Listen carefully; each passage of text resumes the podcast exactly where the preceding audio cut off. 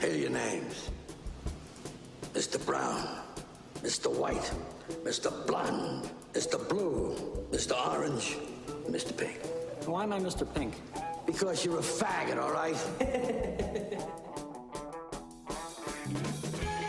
Benvinguts i benvingudes al Reservoir Jocs 46.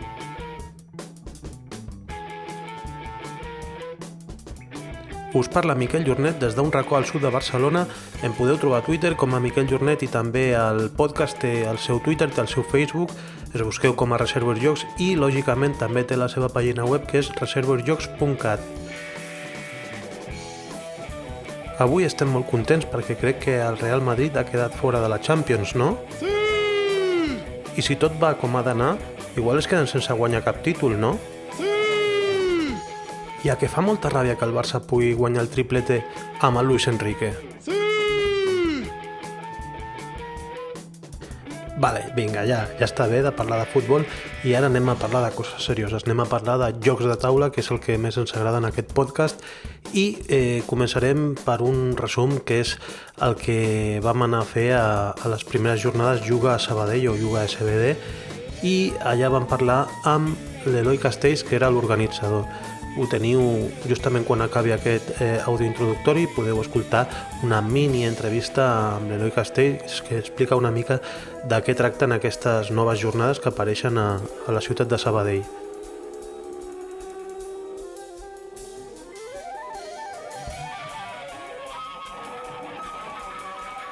L'àudio central d'aquest episodi és una xerrada que va fer l'Òscar García Panyella que és eh, el director del programa del grau de creació de videojocs de Enti.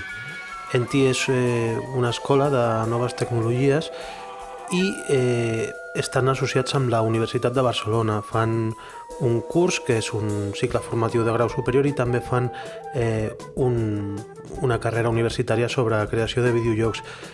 Tot i que sembli que està desconnectat del món del joc de taula, té força connexió i la veritat és que és d'aquelles xerrades que pots estar més acord o més en desacord, però eh, és una xerrada que ens agrada perquè dona força recursos que intentarem també enllaçar-los en, en el text que acompanya aquest episodi, perquè són recursos molt interessants sobretot per la gent que s'està dedicant a, a la formació, que són mestres, que són educadors, i també pels pares. I així, si escolteu aquest eh, podcast, aquest episodi, doncs si necessiteu un d'aquests recursos, que dona molts l'Òscar, eh, estaran enllaçats degudament al, al text que acompanya aquest àudio.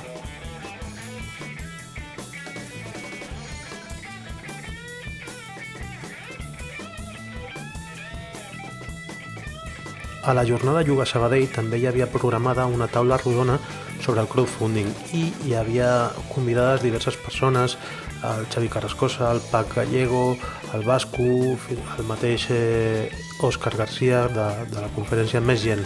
Hi havia molta gent, també estava dinamitzada eh, o moderada la taula rodona per l'Eloi Castells, que és el que escoltareu ara després, eh, però al final, com a curator del, del contingut d'aquest podcast, he decidit no incloure-la perquè realment eh, va ser molt dinàmica, hi havia molta participació d'un i d'altre, fins i tot molt interessant també per la gent que estàvem allà, però realment eh, s'allargava molt aquest àudio, aquest podcast, i havia d'apostar per una cosa o l'altra, i he decidit que crec que és millor el, el, la conferència del, de l'Òscar Garcia, sobretot per, per la quantitat de recursos que dona. Eh? També eh, crec que hi haurà més oportunitats de, de trobar taules rodones sobre crowdfunding i també les podrem compartir des d'aquí, des del podcast.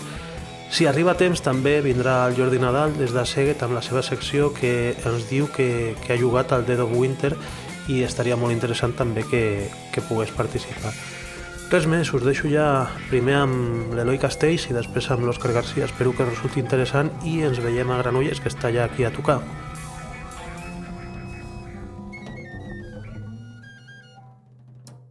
El 99% dels jocs dels que parlem al podcast els podeu trobar a les botigues patrocinadores del Reservoir Jocs. Jugar per jugar a l'Avinguda Gaudí número 39 de Barcelona i Zigurat Jocs, al carrer Marconi número 2 de Castelldefels.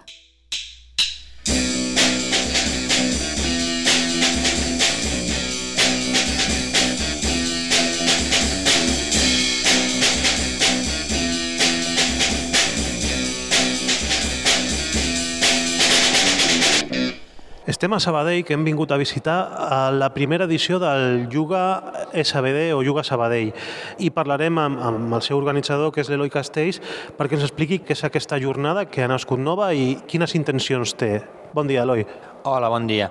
Mira, uh, la jornada aquesta ha nascut com a, amb, un objectiu ben, ben senzill, que és donar a conèixer a la ciutat de Sabadell el, el, el joc de taula fora del que es coneix com a joc de taula tradicional. Eh, ja fa bastant de temps que, que la gent coneix en altres ciutats perquè hi ha el Dau a Barcelona, o la juguem a Vilafranca, o les Fancon a Palau, hi ha diferents ciutats que ja estan fent les seves jornades de, de jocs de taula modern o, o del segle XXI o no tradicional, diguem-lo com, com ho vulguem. Llavors el que hem pensat és que Sabadell, capital o capital del Vallès amb 200.000 habitants, doncs també mereixia tenir unes jornades d'aquestes. Hem fet unes jornades i hem volgut afegir una part de, de còmics i una part de noves tecnologies. I amb aquestes noves tecnologies el que hem fet és, en comptes de mm, de portar videojocs, consoles i, i diferents aparells d'aquests, ho hem enfocat més en el sentit doncs, de fer un taller en el que la gent doncs, ha fet el seu videojoc, del no res doncs, ens han explicat doncs, com crear uns videojocs mitjançant unes, unes descàrregues i una plataforma, la Play Canvas. Després hem fet una conferència sobre el joc videojoc i el, el fet transmèdia, molt, molt interessant, eh, adreçada a, a, a pares i professorat per donar a conèixer també en el, en el jovent i en els nanos el, el, el món aquest. I ara hem acabat eh, una xerrada en la que hem parlat amb diferents personalitats doncs, el, el joc i videojoc i el, el crowdfunding una mica en general. O sigui que la gent no només pot venir aquí a jugar, sinó també hi ha espai de reflexió, hi ha espai de debat i teniu intenció de, de continuar fent aquest tipus de jornades i aquesta hibridació també, que és un terme que ha sortit molt a la taula rodona. Sí, òbviament, el nostre objectiu és intentar anar-ho repetint que això cada cop arreli més, la gent ho, ho conegui i, i créixer, créixer, créixer. Uh, la hibridació, mm, aquest primer any ho hem fet així, també parlant amb, amb, amb Venti, que és l'Escola de Noves Tecnologies Interactives. Sí, la nostra intenció és, eh, veiem que, que el joc de taula i el videojoc, mm, la nostra manera d'entendre, van de la mà. No són competència creativa ni competència social, o sigui que són competència comercial, però, però pots jugar a un joc, pots jugar un videojoc i, i compartir i créixer. Uh, la nostra idea sí, és aquesta. En un futur, doncs, quan la segona edició, doncs no ho sé, han sortit diverses idees a la xerrada sobre el que podríem fer i muntar, doncs bueno, anirem, anirem treballant en això. El cultiu de Sabadell com a jugadors igual ja està una mica treballat perquè eh, són famoses les 24 hores de Sabadell també, però igual són més orientades a un públic i tu has obert una miqueta i també explica'ns que tu com a organitzador no ets eh, part d'una entitat, sinó que ho organitzes des de dins d'una botiga, no? Sí, sí. El, a, a Sabadell, com, com molt bé dius, es coneix les 24 hores de, de Jocs de Taula de Sabadell, organitzades pel Refugio del Sàtiro. El target, no? aquesta paraula ha sortit molt avui, el, el target de, de les 24 hores és un target més professional, diguem-ho així. No? no és que siguin professionals de joc de taula, però sí que és gent que ja està acostumada a jugar, que ja es prepara per venir a jugar, que ja coneix els jocs, ja sap el que hi ha, ja sap com funciona. Nosaltres, o jo en aquest cas, sí, porto una botiga, botiga d'Homolúdicus Sabadell. El meu objectiu final està clar, soc un comerciant, jo he de, he de vendre.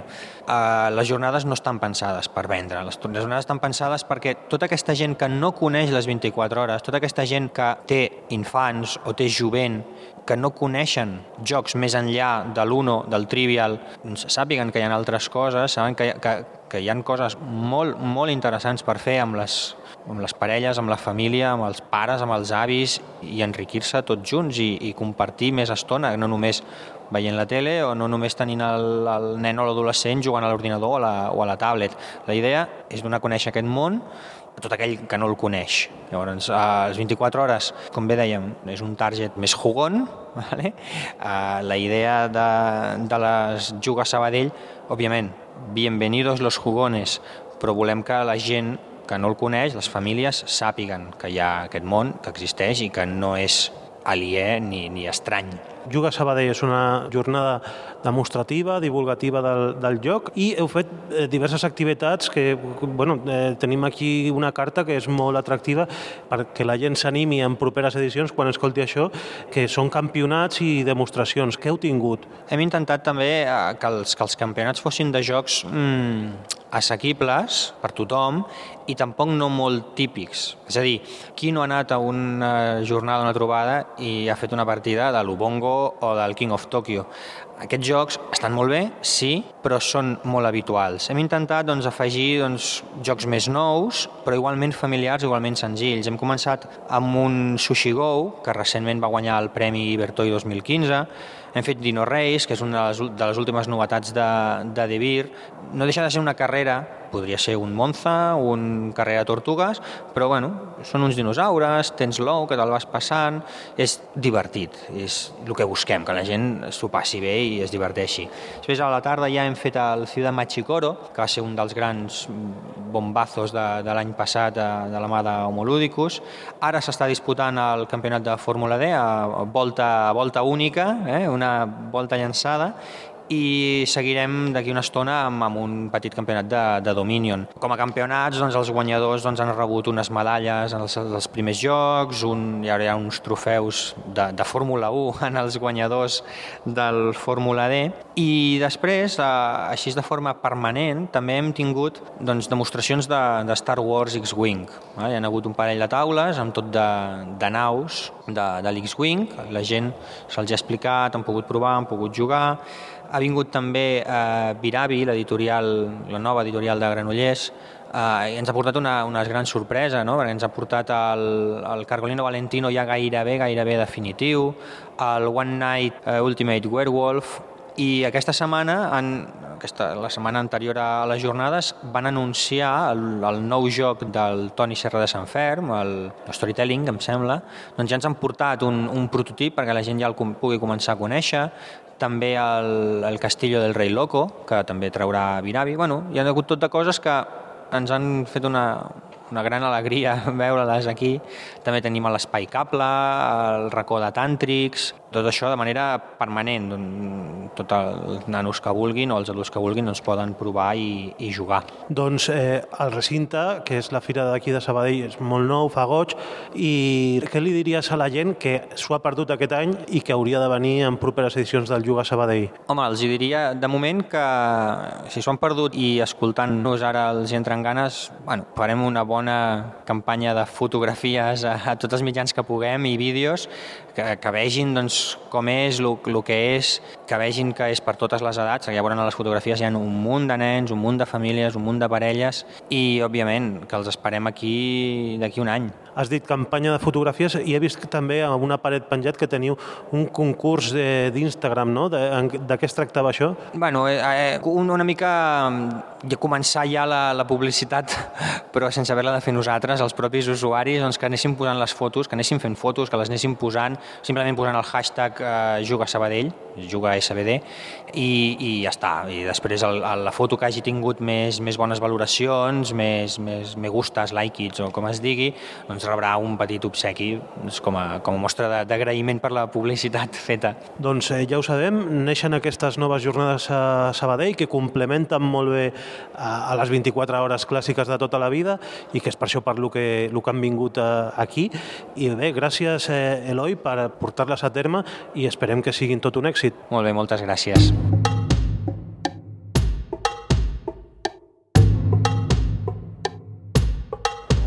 Bueno, bon dia a tothom. Merci per estar, em sentiu bé? Sí? Una mica així com el papa, no? O sigui... Uh. Bueno, jo sóc l'Òscar Garcia, jo sóc el director acadèmic d'ENTI. ENTI és l'Escola de Noves Tecnologies Interactives. ENTI està a Barcelona, està en ple centre, al costat de plaça Catalunya, molt a prop, i ENTI va ser el primer centre que va obrir una carrera de jocs i videojocs el 2013. Som la UB, som la Universitat de Barcelona, d'acord? Heu de saber que la UB és l'única universitat de l'estat espanyol que està dintre de les 200 millors universitats del món. ¿vale? Això és important saber-ho, d'acord? I Enti, des del 2013, ofereix aquest tipus de formació que, a més a més, us he donat amb uns papers. Eh? Teniu el paper verd i el paper, diguéssim, granate. El paper granate és la carrera de 4 anys universitària de desenvolupament de videojocs. El paper verd és un cicle formatiu de grau superior de dos anys amb una formació, diguéssim, també amb aquest sector. Vale, a veure, uh, us, explicaré, us explicaré una miqueta uh, diverses coses que tenen a veure també amb, amb, amb temes educatius, perquè veieu una miqueta com treballem com treballem a, com treballem a Enti, però també volia presentar doncs, una miqueta de, de mercat, simplement perquè tingueu números.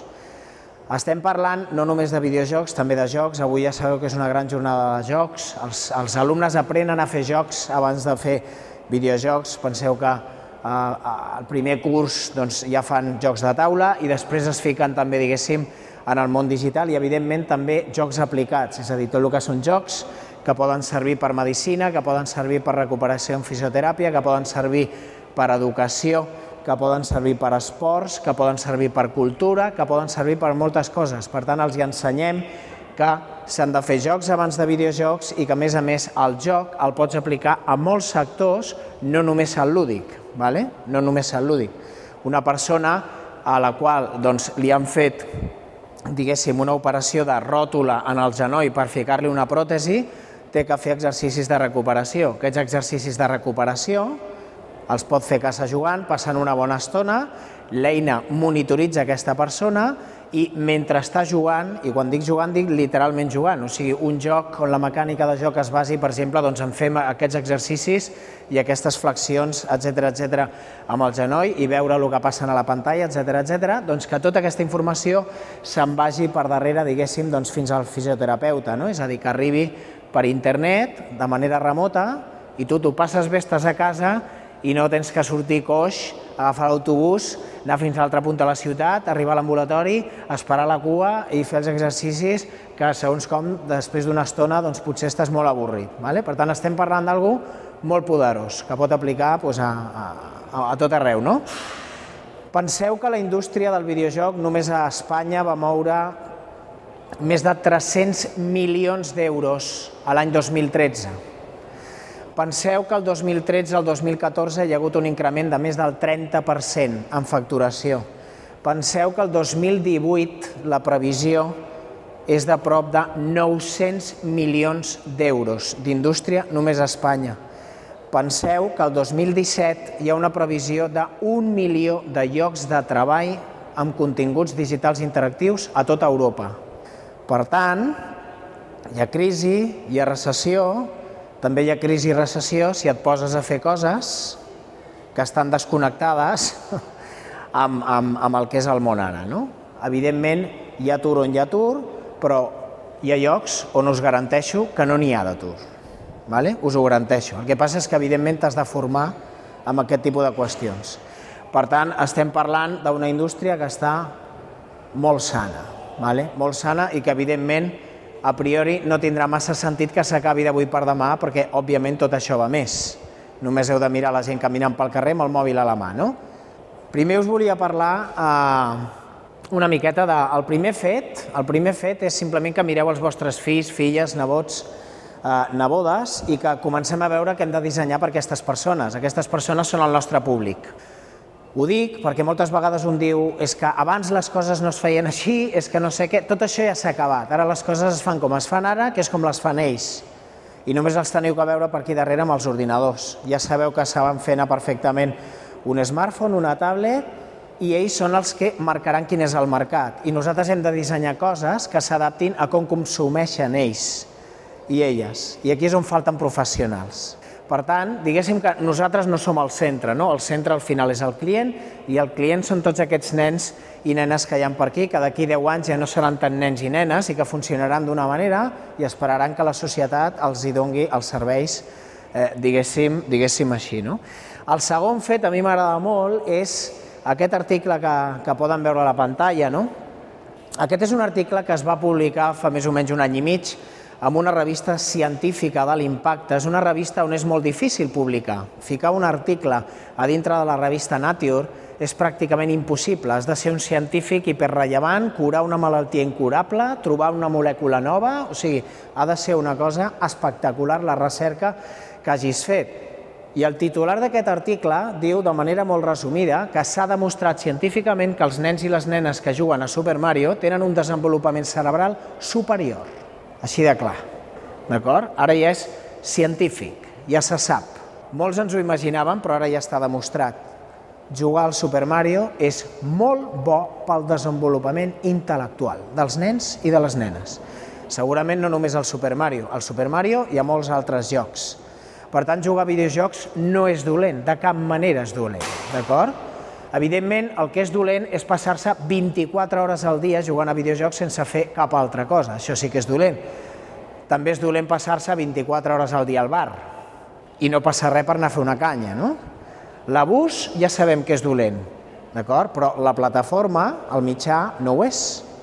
I això és important que ho tinguem molt clar, perquè moltes vegades els pares i les mares no sabem el que estan fent perquè nosaltres sabem el que és un llibre, sabem el que és un CD, sabem el que és un DVD de música, sabem el que és un còmic, però no sabem el que és un videojoc.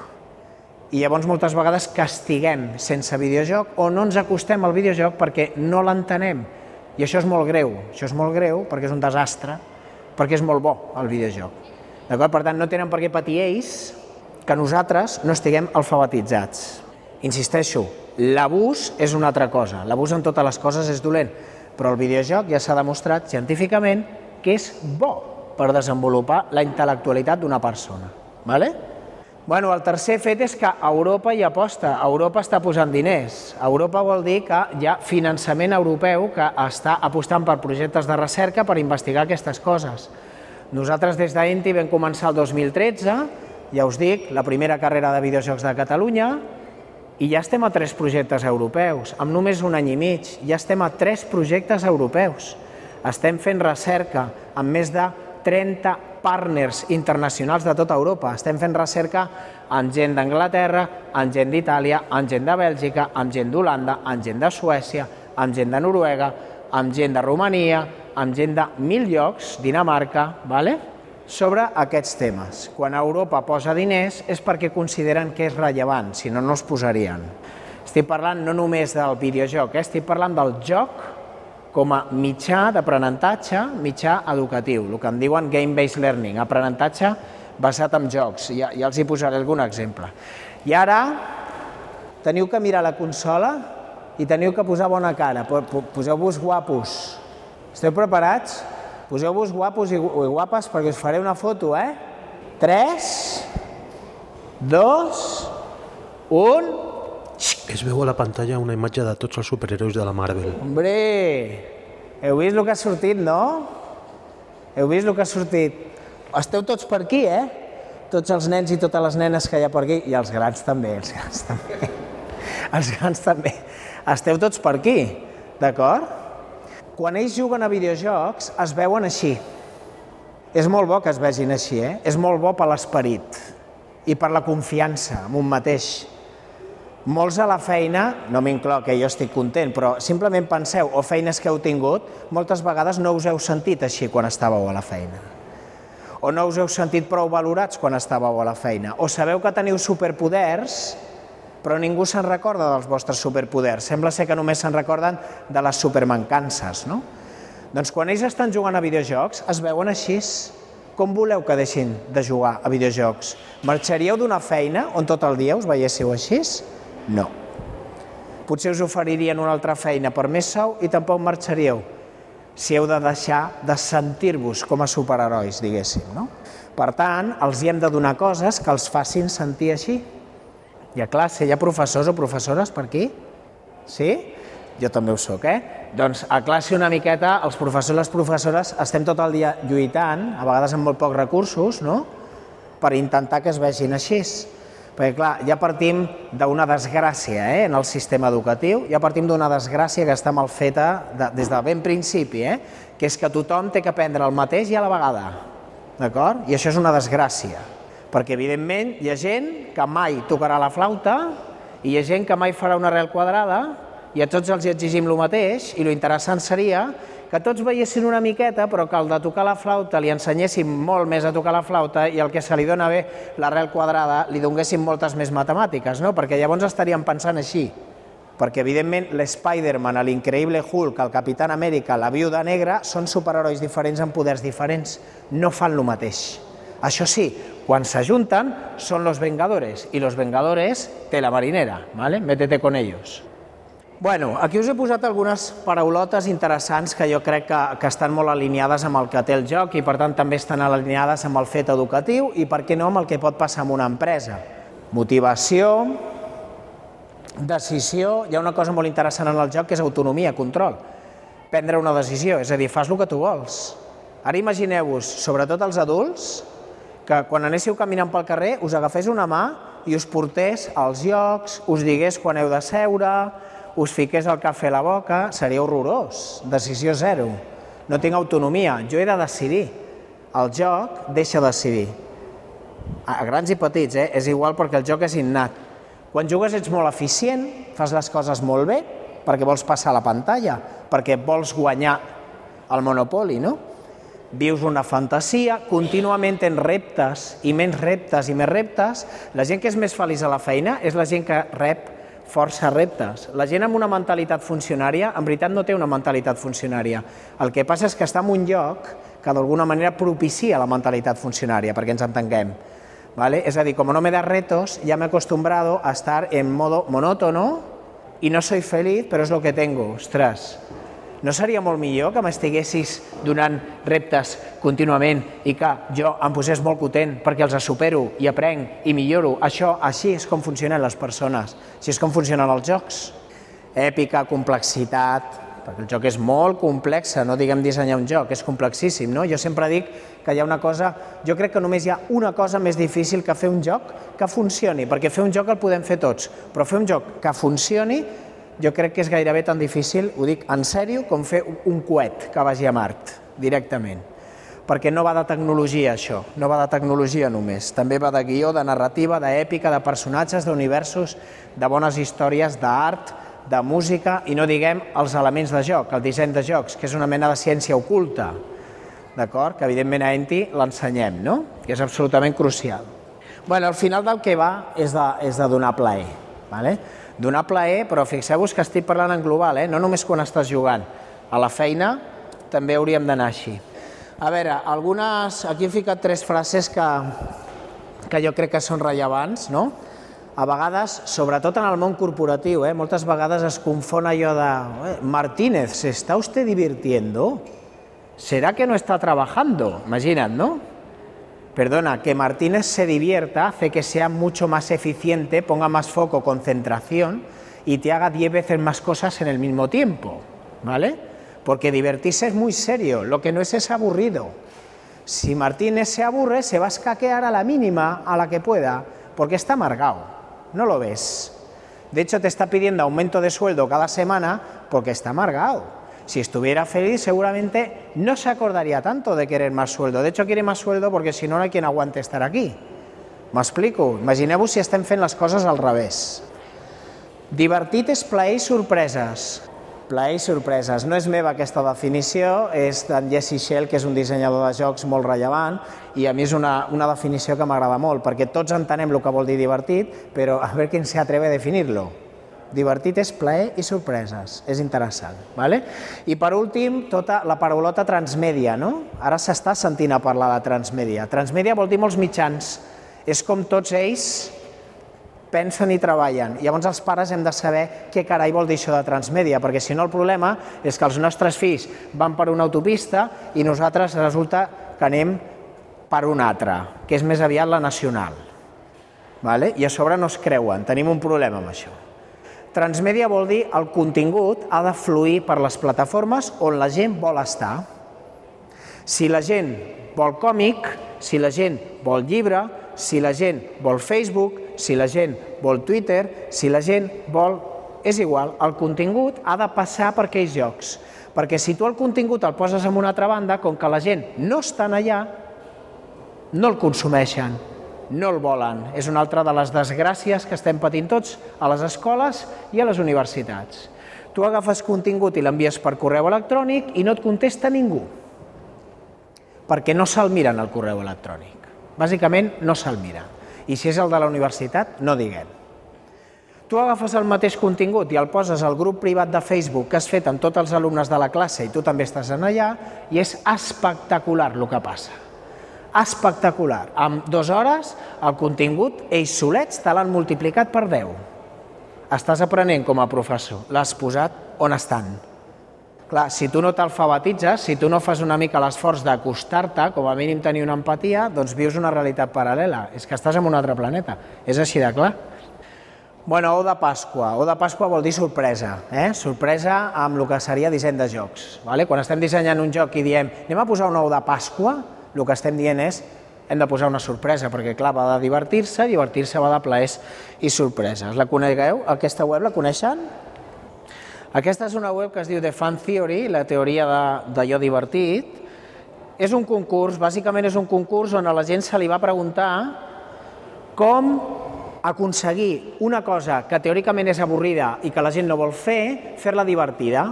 I això va ser un concurs que es va llançar. Llavors, en, aquest, en aquesta web, que de veritat us recomano que mireu, és una web on tenim, eh, diguéssim, tota una sèrie d'exemples de gent que ha barrinat com fer una cosa divertida. Abans de donar-li el play, tampoc donaré massa pistes, eh? però en aquest cas el repte, el challenge era intenta aconseguir que reciclar sigui divertit. I algú diria, ah, para los niños. No, para los niños no. Para los padres. Para los padres. De hecho, los padres hacen lo que hacen los niños. Si es divertido para los padres, no te preocupes que si reciclan, los niños van a reciclar per a los padres. És encara més complicat, no? O sigui, com aconseguir que la gent recicli amb ganes d'anar a reciclar. Això em sembla que és Estocolm o alguna cosa.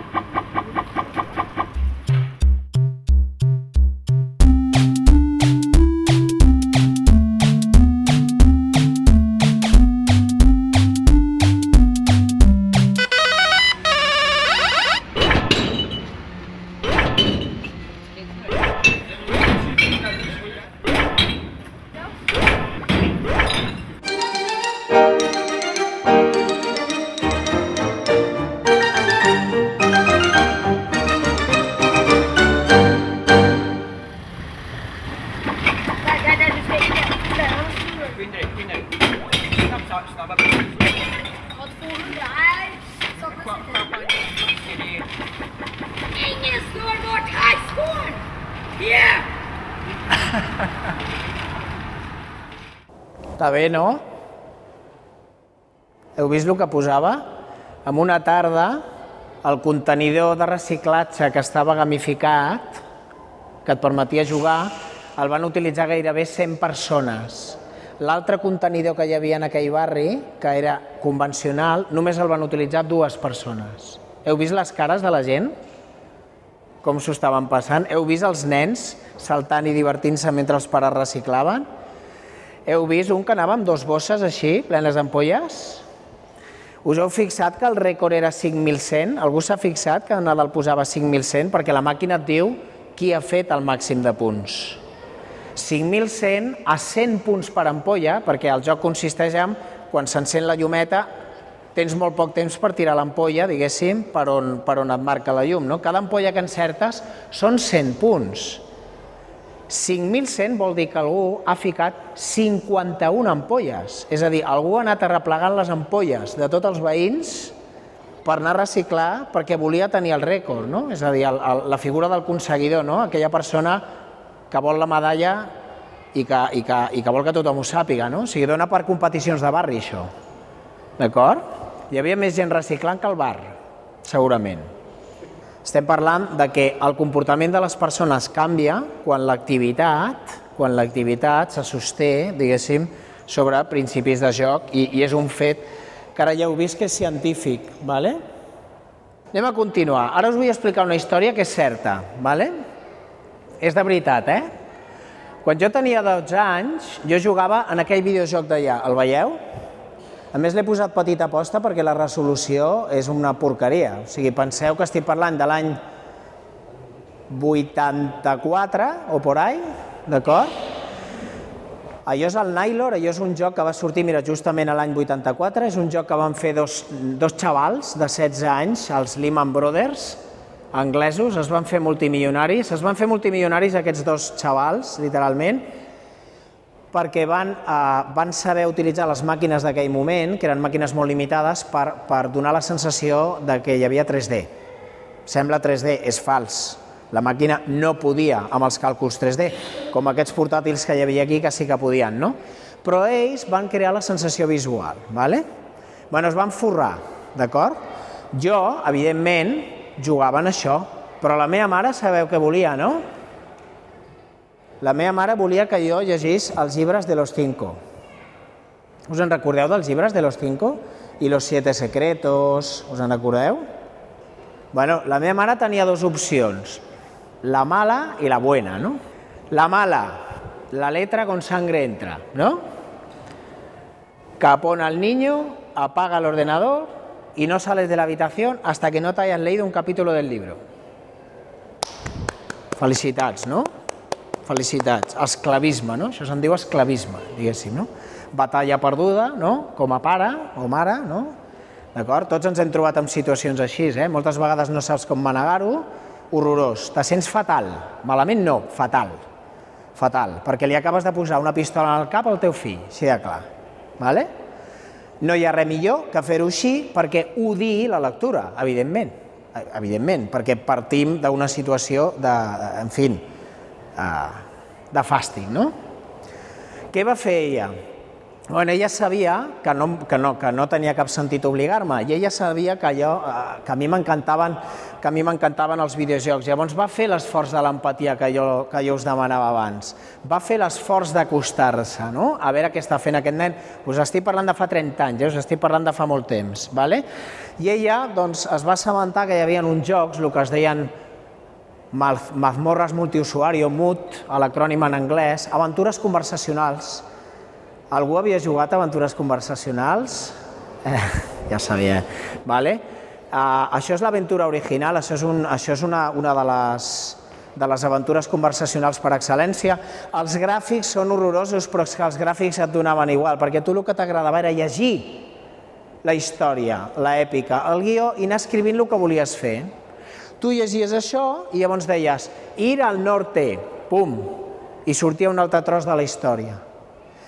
Coger el diamante, pum, i ja sabies que en el teu inventari portaves el diamant. Usar el diamante con el dragón, ir al sur. És a dir, un videojoc on tot és guió i tot és lletra, el qual demostra que un bon guió, una bona història, és suficient. I de fet, sabeu què va fer ella? Em va comprar aquests llibres. Us en recordeu d'aquests llibres? Tria la teva pròpia aventura, elige tu pròpia aventura. Aquests llibres encara existeixen, fa 40 anys que estan al mercat. Ja han evolucionat tres o quatre vegades, d'acord? I en aquests llibres, quan tu estàs llegint, bàsicament el que veus és que en un moment donat se't diu si vols lluitar contra el drac, vés a la plana 37. Si en canvi et vols amagar darrere l'arbre, vés a la plana 14. Espectacular. És un videojoc de paper. És un videojoc de paper perquè allò que parlàvem abans de l'autonomia, el control, la decisió, me la dona tota, perquè jo decideixo el que vull fer. Per tant, parla, diguéssim, el meu llenguatge. D'acord? Per cert, això desmunta la teoria de que els videojocs van de tecnologia. És fals. Repeteixo, és fals. D'acord? O en tot cas, la tecnologia també és paper. Vale? I fa 40 anys. Evidentment, aquests llibres me'ls vaig llegir tots, encara els tinc, el meu fill se'ls llegeix, i el que va aconseguir la meva mare és que llavors comencés a llegir Los Cinco, perquè em va alfabetitzar amb la lectura, em va alfabetitzar utilitzar el mateix mitjà que jo utilitzava, que era autonomia, control, prendre decisions, el qual em sembla que és molt bo que una persona aprengui a prendre decisions, eh? Tenim molts estaquirots a les empreses que no saben prendre decisions. Molt bé, ara un altre exemple. Això, allò de baix, saben el que és? O se'n recorden? Lo de baix, eh? Què és allò? La taula periòdica, no? Bueno, a mi m'agradaria que aixequés la mà qui recordi amb amor amb amor i bon rotllo, diguéssim, l'aprenentatge de la taula periòdica. O sigui, qui ho recorda com algo memorable, com anar a una boda que et ve de gust o, o coses d'aquestes. Ningú no, no falla l'estadística. No hi ha cap química a la sala, no? Molt bé.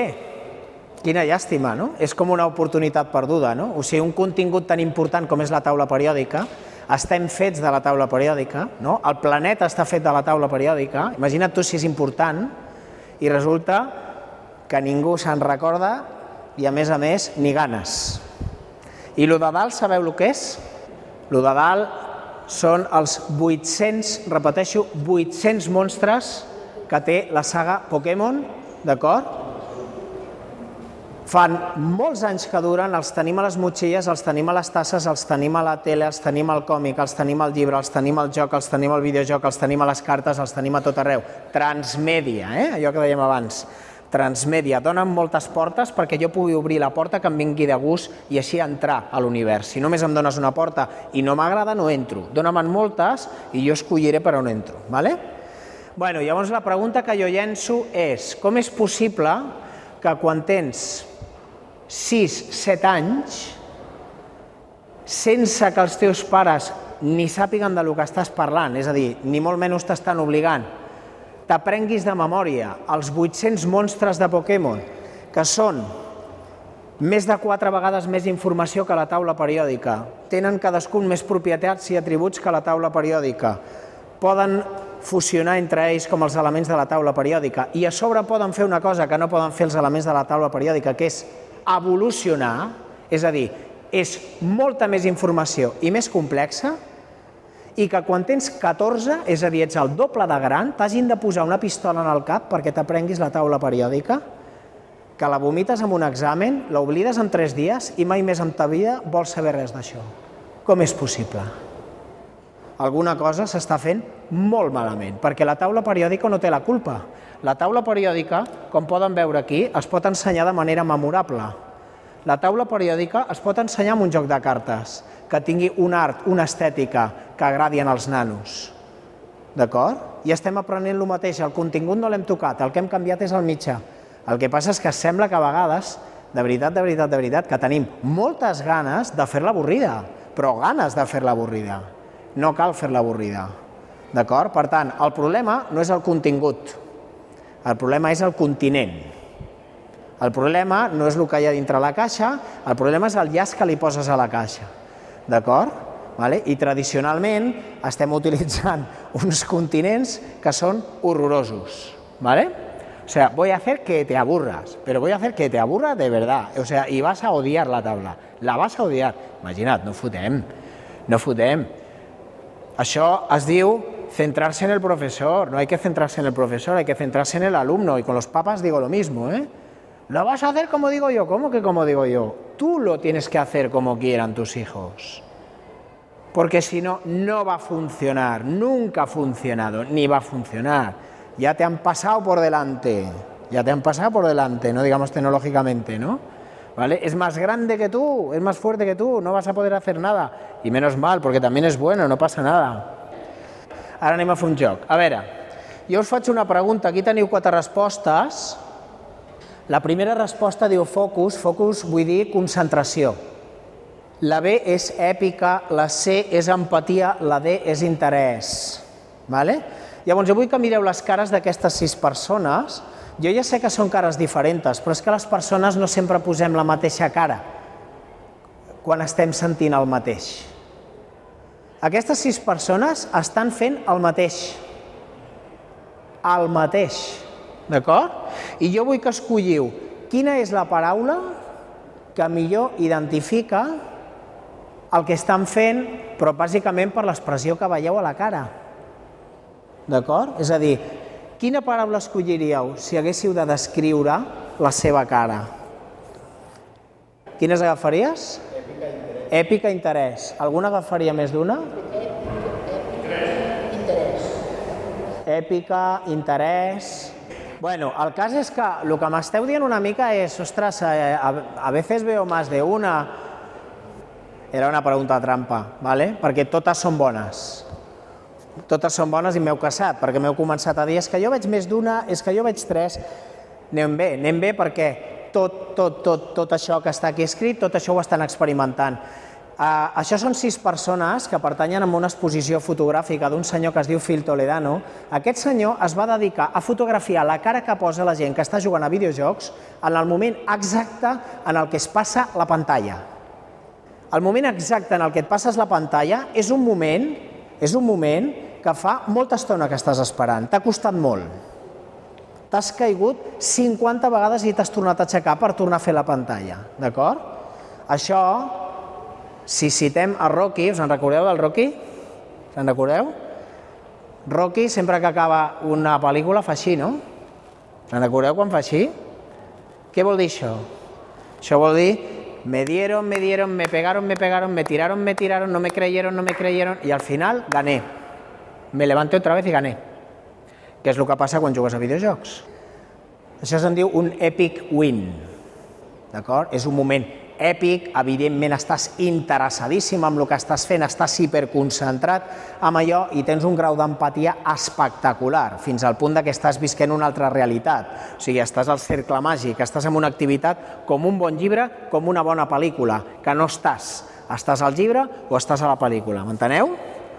Això, aquest senyor, per si voleu mirar la xarra de TED, eh? TED és una, és una web que està plena de xerrades molt interessants. Si algú no sap anglès no passa res perquè es poden activar subtítols i tal.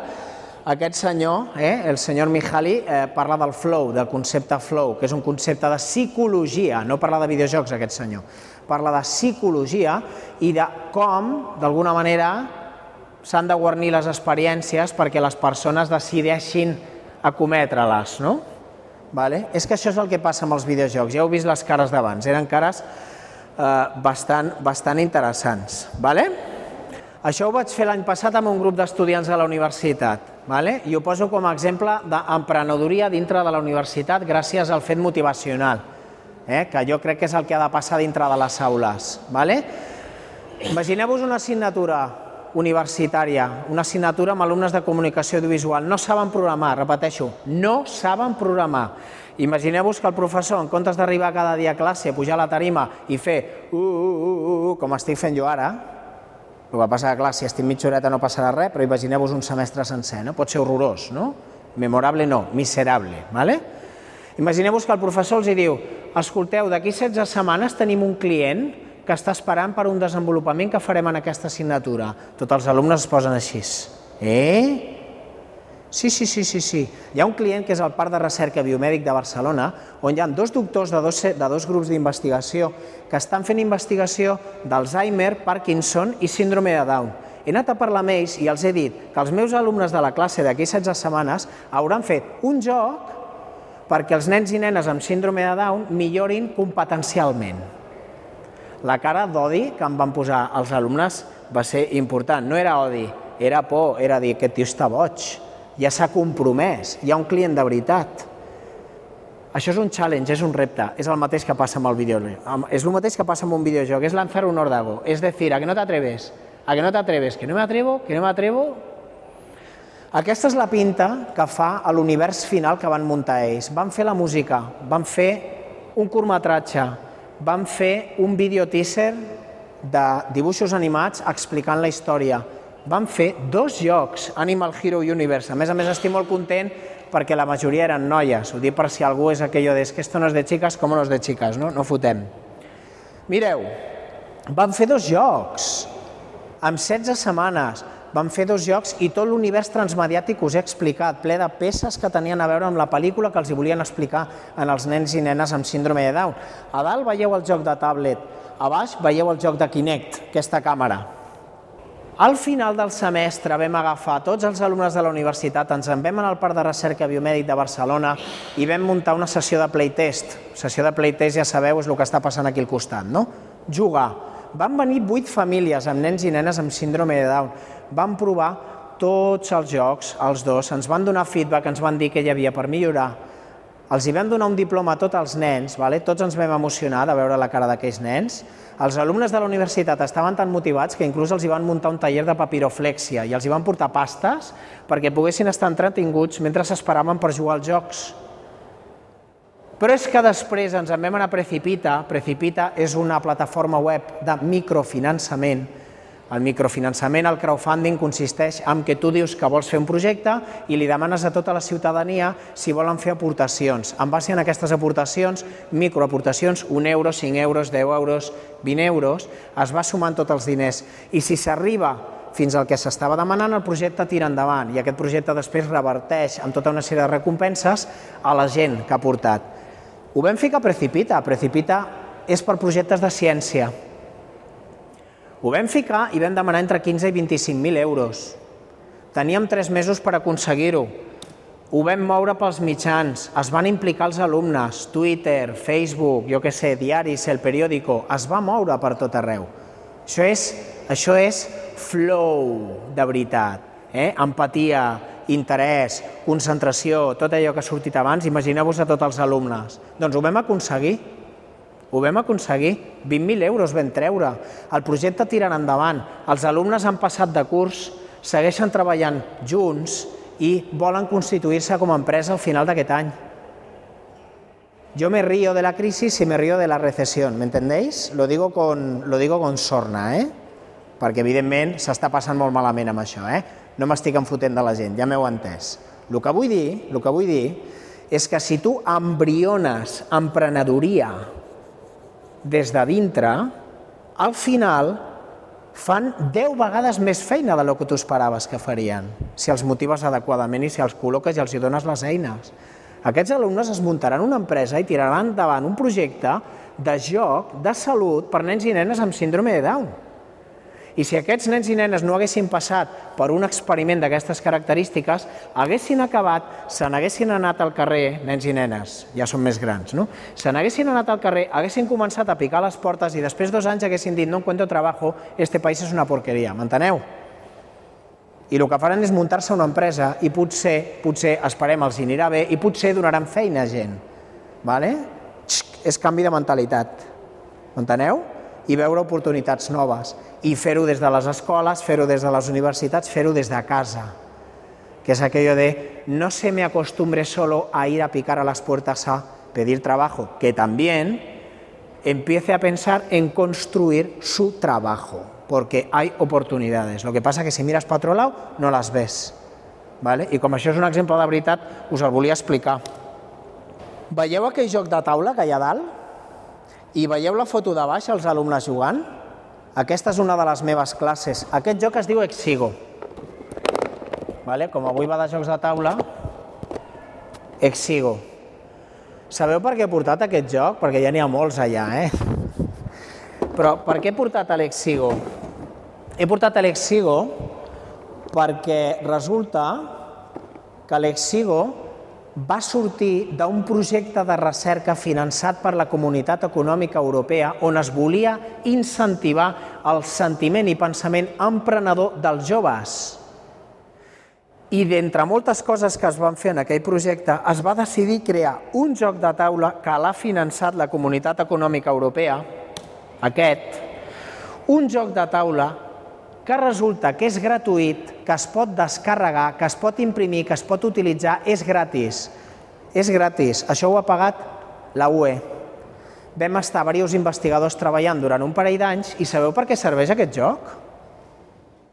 Amb aquest joc, ben gestionat, ben explicat, perquè clar, la gràcia no és només jugar, si només jugues passes una bona estona, però la gràcia és interpretar tot el que està passant en el joc, és a dir, que el mentor, la mentora, el facilitador, la professora t'expliquin el que està passant. Amb aquest joc aprens a gestionar un projecte, a gestionar un projecte, a gestionar els entregables, a prendre decisions, a endreçar les coses, a decidir què fas primer, què fas després, a treballar amb equip, a que no t'enganxi la data d'entrega abans de que hagis acabat. Ho aprens jugant a Exigo. I Exigo no està en una tablet, és un juego de mesa de paper i de cartó. Ho dic perquè a vegades és yo es que no, lo digital no me va, que déjate de historias, que hay muchas oportunidades que no son digitales, lo que pasa es que no tienes ganas de acercarte, y punto. I entonces estàs desconnectat del món, ¿vale? Us ho dic perquè això vol dir que Europa està posant diners, és interessant i a més a més això és gratis i ho podeu utilitzar. Això poden utilitzar a casa els pares amb els fills per parlar de gestió de projectes i això poden utilitzar qualsevol classe, de qualsevol escola, de qualsevol lloc, amb qualsevol tipus de projecte, per abans de fer una pràctica, un projecte, agafar i dir, vinga, va, anem a aprendre una miqueta de gestió de projectes, però anem a fer-ho de manera memorable, perquè si no, no m'escoltareu, i no m'estranya, perquè pot ser molt avorrit, si és més divertit. Vale? També us volia ensenyar una altra cosa, que són aquests, aquestes, aquestes menes de flors, aquests dibuixos que veieu. Això és art, això és generació artística, això és procedural, això s'ha fet en programació, no s'ha fet pintant. Això ho han fet els alumnes programant. Programant han generat art, connexió, enginyeria, art, connectat. Però encara millor, encara millor. Sabeu de què és aquesta classe? Això us estic parlant d'enti, eh? Sabeu de què és aquesta classe? Eso es álgebra. Los alumnos tienen ganas de venir a clase de álgebra. a ver si encontráis algún profesor de álgebra que os diga que los alumnos tienen ganas de hacer clase de álgebra. Es muy difícil. No lo estoy diciendo yo ahora porque yo sea Superman, no, no. O sea, yo he pasado por lo mismo, yo he pasado por lo mismo, yo me he frustrado muchísimo y al final he visto la luz. Y ver la luz quiere decir que, lo interesante no son las fórmulas que están en cualquier libro, y que se pueden consultar en cualquier momento. Lo interesante es utilizar esas fórmulas en algún contexto que sea un proyecto de verdad que dé un resultado, porque entonces se entienden para qué narices sirven. Y si encima lo, juntas con arte, pues esto ya es espectacular. Pues están haciendo arte en clase de álgebra. Esto es de hace dos semanas, ¿eh? En primero de universidad. Y encima están programando por el mismo precio. Molt bé. Bueno, algunes cosetes perquè tingueu alguns referents. Classcraft, això pels que sou professors o el que sigui, Classcraft és un sistema de regles, és un joc complet, és una mena de joc de rol, que és el que més els hi encanta, vale? que es pot tunejar, adaptar per impartir qualsevol classe, d'acord? No sé si es llegeix, però transforma tu clase en un juego inmersivo en el cual juegas con tus estudiantes a lo largo del semestre o durante todo el año escolar. Toma ya.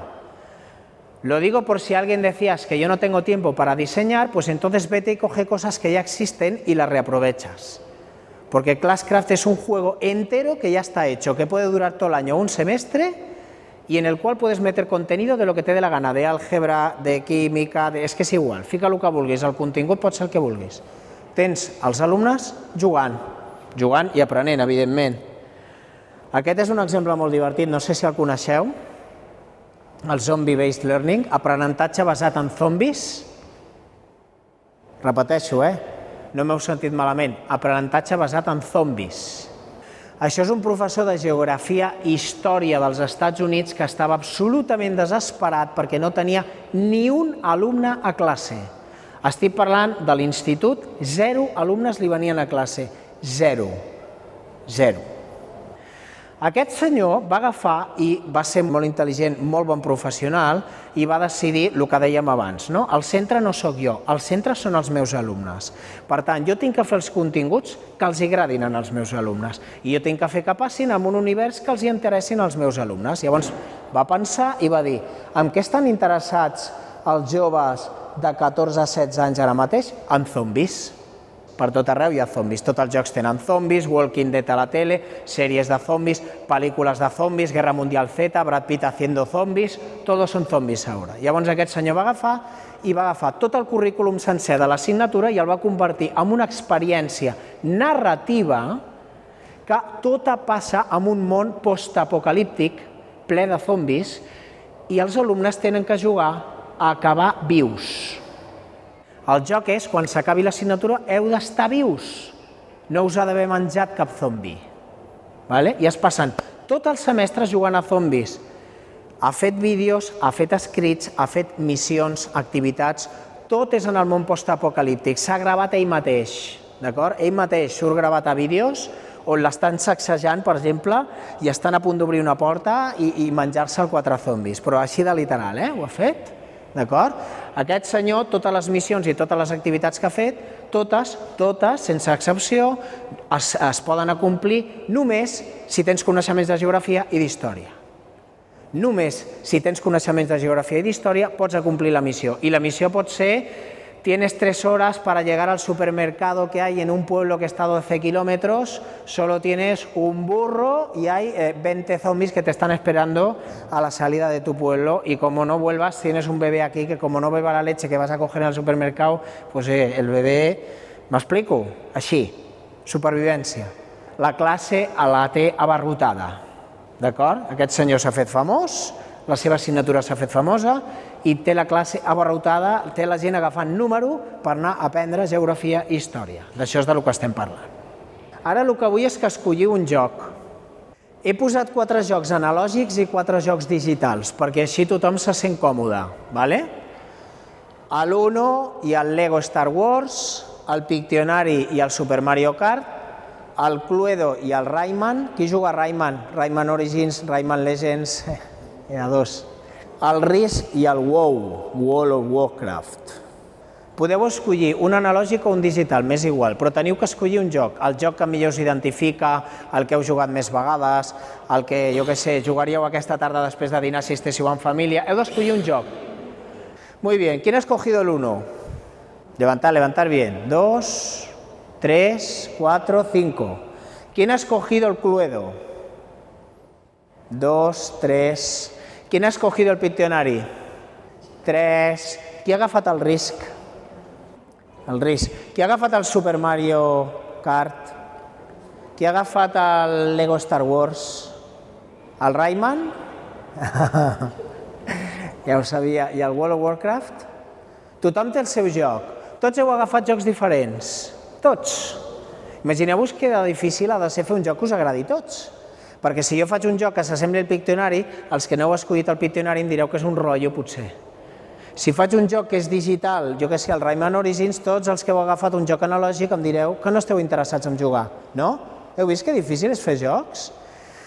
Acabo de fer un experiment. Aquest experiment eh, no és gens científic, és una petita broma, però us he taxonomitzat com a jugadors. O sigui, acabo de segmentar la meva audiència com a jugadors, és a dir, acabo d'esbrinar quin tipus jugador teniu, perquè això és consultoria, d'acord? Consultoria. Quan es fan estudis de mercat, també es mira a què vol jugar la gent. Si teniu alumnes en una classe, tindreu que esbrinar què volen jugar, perquè si dissenyeu un joc que s'assembla molt al Pictionari i resulta que els alumnes que teniu a classe haguessin preferit jugar al risc, us diran que és una porqueria el joc i us frustrareu. Per tant, s'ha d'esbrinar què volen jugar. I llavors els hi fas un joc que té a veure amb el que volen jugar. I llavors, màgicament, màgicament, comencen a empassar tot el contingut que tu vols que em passi. Això se'n diu gamificació o ludificació amb educació, o al final és utilitzar les lleis dels jocs en un context diferent per aconseguir canvis de comportament. ¿vale? Per cert, ara ja per, per entrar una mica més en matèria, però perquè és divertit. Els que heu escollit l'Uno i el Lego Star Wars, qui éreu? Això és mig broma, eh? A l'Uno i el Lego Star Wars hi havia més, eh? Perquè m'heu aixecat la mapa l'Uno, no? Bueno, vosaltres, en terminologia disseny de jocs, sou killers. Sois asesinos. Los asesinos se caracterizan porque no tienen suficiente con ganar, lo que les gusta es machacar. ¿Vale? ¿De acuerdo? No, pero eso está bien, pero eso está bien. Es, eh, eso está bien porque no es nada malo, ¿eh? son comportamientos en el juego. Además, también está bien porque todos tenemos todo, ya lo veré. ¿El Cluedo quién lo ha cogido? ¿El Cluedo o el, o el Rayman? El Cluedo lo he seleccionado para los achievers, los conseguidores. Los conseguidores quieren medallas, medallas, medallas, medallas, medallas, medallas, medallas. Y además la medalla tiene que ser de oro porque se lo han currado mucho y se enfadan si la medalla es de plata. Por cierto, luego la medalla van a Facebook y la comparten para que todo el mundo vea que han ganado la medalla. ¿El Pictionary quién lo había cogido? ¿El Pictionary o el Super Mario Kart? Bueno, esto los he seleccionado para los socializadores. Los socializadores les encanta socializar, discutir, compartir, es casi más importante eso que el juego. El juego es hasta secundario. A mí lo que me encanta es que el juego hace que nos juntemos y que nos relacionemos. Esos son los socializadores. Y por último, los del Risk y el WoW, sois los exploradores. ¿Vale? Los exploradores que están todo el día así, a ver, a ver, a ver, mira, mira, mira, mira, mira, mira, mira, si había un diamante. Si os pusiéramos a todos juntos dentro de una partida de un videojuego, los killers irían corriendo con las armas disparando, ¡ah! No sé qué, moscas a cañonazos. Detrás, detrás tendríamos a los conseguidores que más que ir reventando todo, irían cogiendo estrellitas, moneditas, porque claro, lo que quieren es el top, el ranking, un buen récord, ¿no? Tener ahí las medallitas. Los exploradores ni cogerían estrellitas ni estarían pegando tiros, estarían mirando detrás del árbol a ver dónde está escondida la espada de poder más 50 y los socializadores estarían charlando. ¿Vale? ¿De acuerdo? Decía, qué espadita más bonita, ¿dónde las compran? Cornellá, a ver, déjamela ver, hostia, pues muy bonita y tal. Cuidado que te matas. Es igual, ¿no? ¿Vale? Todos tenemos todo, tots tenim tot. Tots tenim tot, tots som killers, explorers, socializers, depèn del moment del dia, del dia a la setmana, de com estem anímicament, els percentatges varien. Vale? Tots tenim tot, perquè tots hi ha moments que et comportes d'una manera o d'una altra. Però bueno, suposo que queda clar que és consultoria, que s'ha de mirar què vol jugar la gent i llavors dissenyar per la gent, i que no és fàcil. Una altra observació simplement és que el món ha canviat. Jo vaig començar amb aquell ordinador, algú havia treballat amb aquell ordinador, amb l'Spectrum, d'acord? L'Spectrum tenia 48 cas de memòria RAM només i valia 48.000 peles al corte inglès a l'any 82 que jo a vegades ho penso, són 300 euros. Vull dir que els meus pares, pobres, devien d'estar dos anys secs després de comprar-me l'ordinador, no? perquè estem parlant de fa 33 anys, no? vull dir que valia quartos. D'acord? Aquell ordinador feia la seva feina, però avui en dia no en tenim prou amb aparells que facin la seva feina. Per suposat que han de fer la seva feina, però a més a més l'experiència ha de ser memorable l'experiència ha de ser memorable. Tota la gent que estem aquí ja sabem què vol dir això, perquè anem amb el mòbil, que ja no és el mòbil, és l'smartphone, és el telèfon intel·ligent, i tot el dia estem gaudint de l'experiència memorable, tot el dia.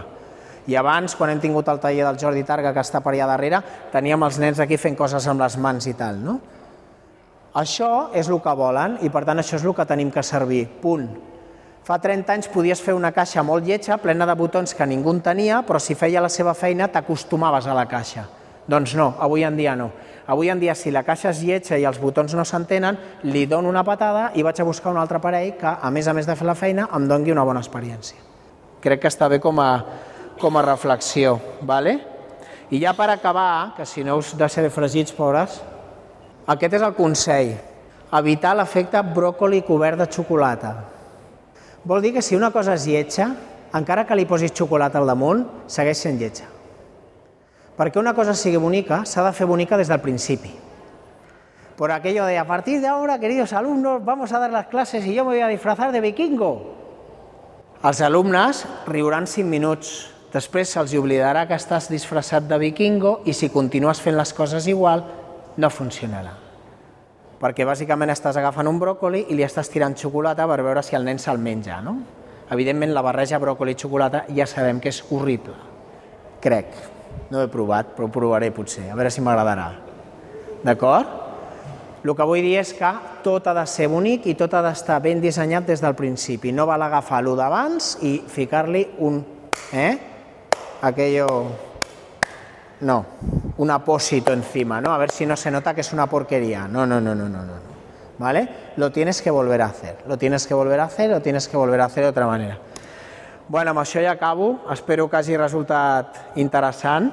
Vale? La veritat és que la xerrada la vaig preparar així una miqueta sense saber molt bé el tipus de públic que, que tindria, però bueno, veig que al final hi havia pues, això, bastants pares i, i també pues, això, inclús algun professional de l'educació i tal, o sigui que si us he ajudat una miqueta, Aquí és on estem, d'acord? Aquí és on ens podeu trobar, molt a prop de plaça Catalunya Barcelona. I moltes gràcies. Ja està. Merci.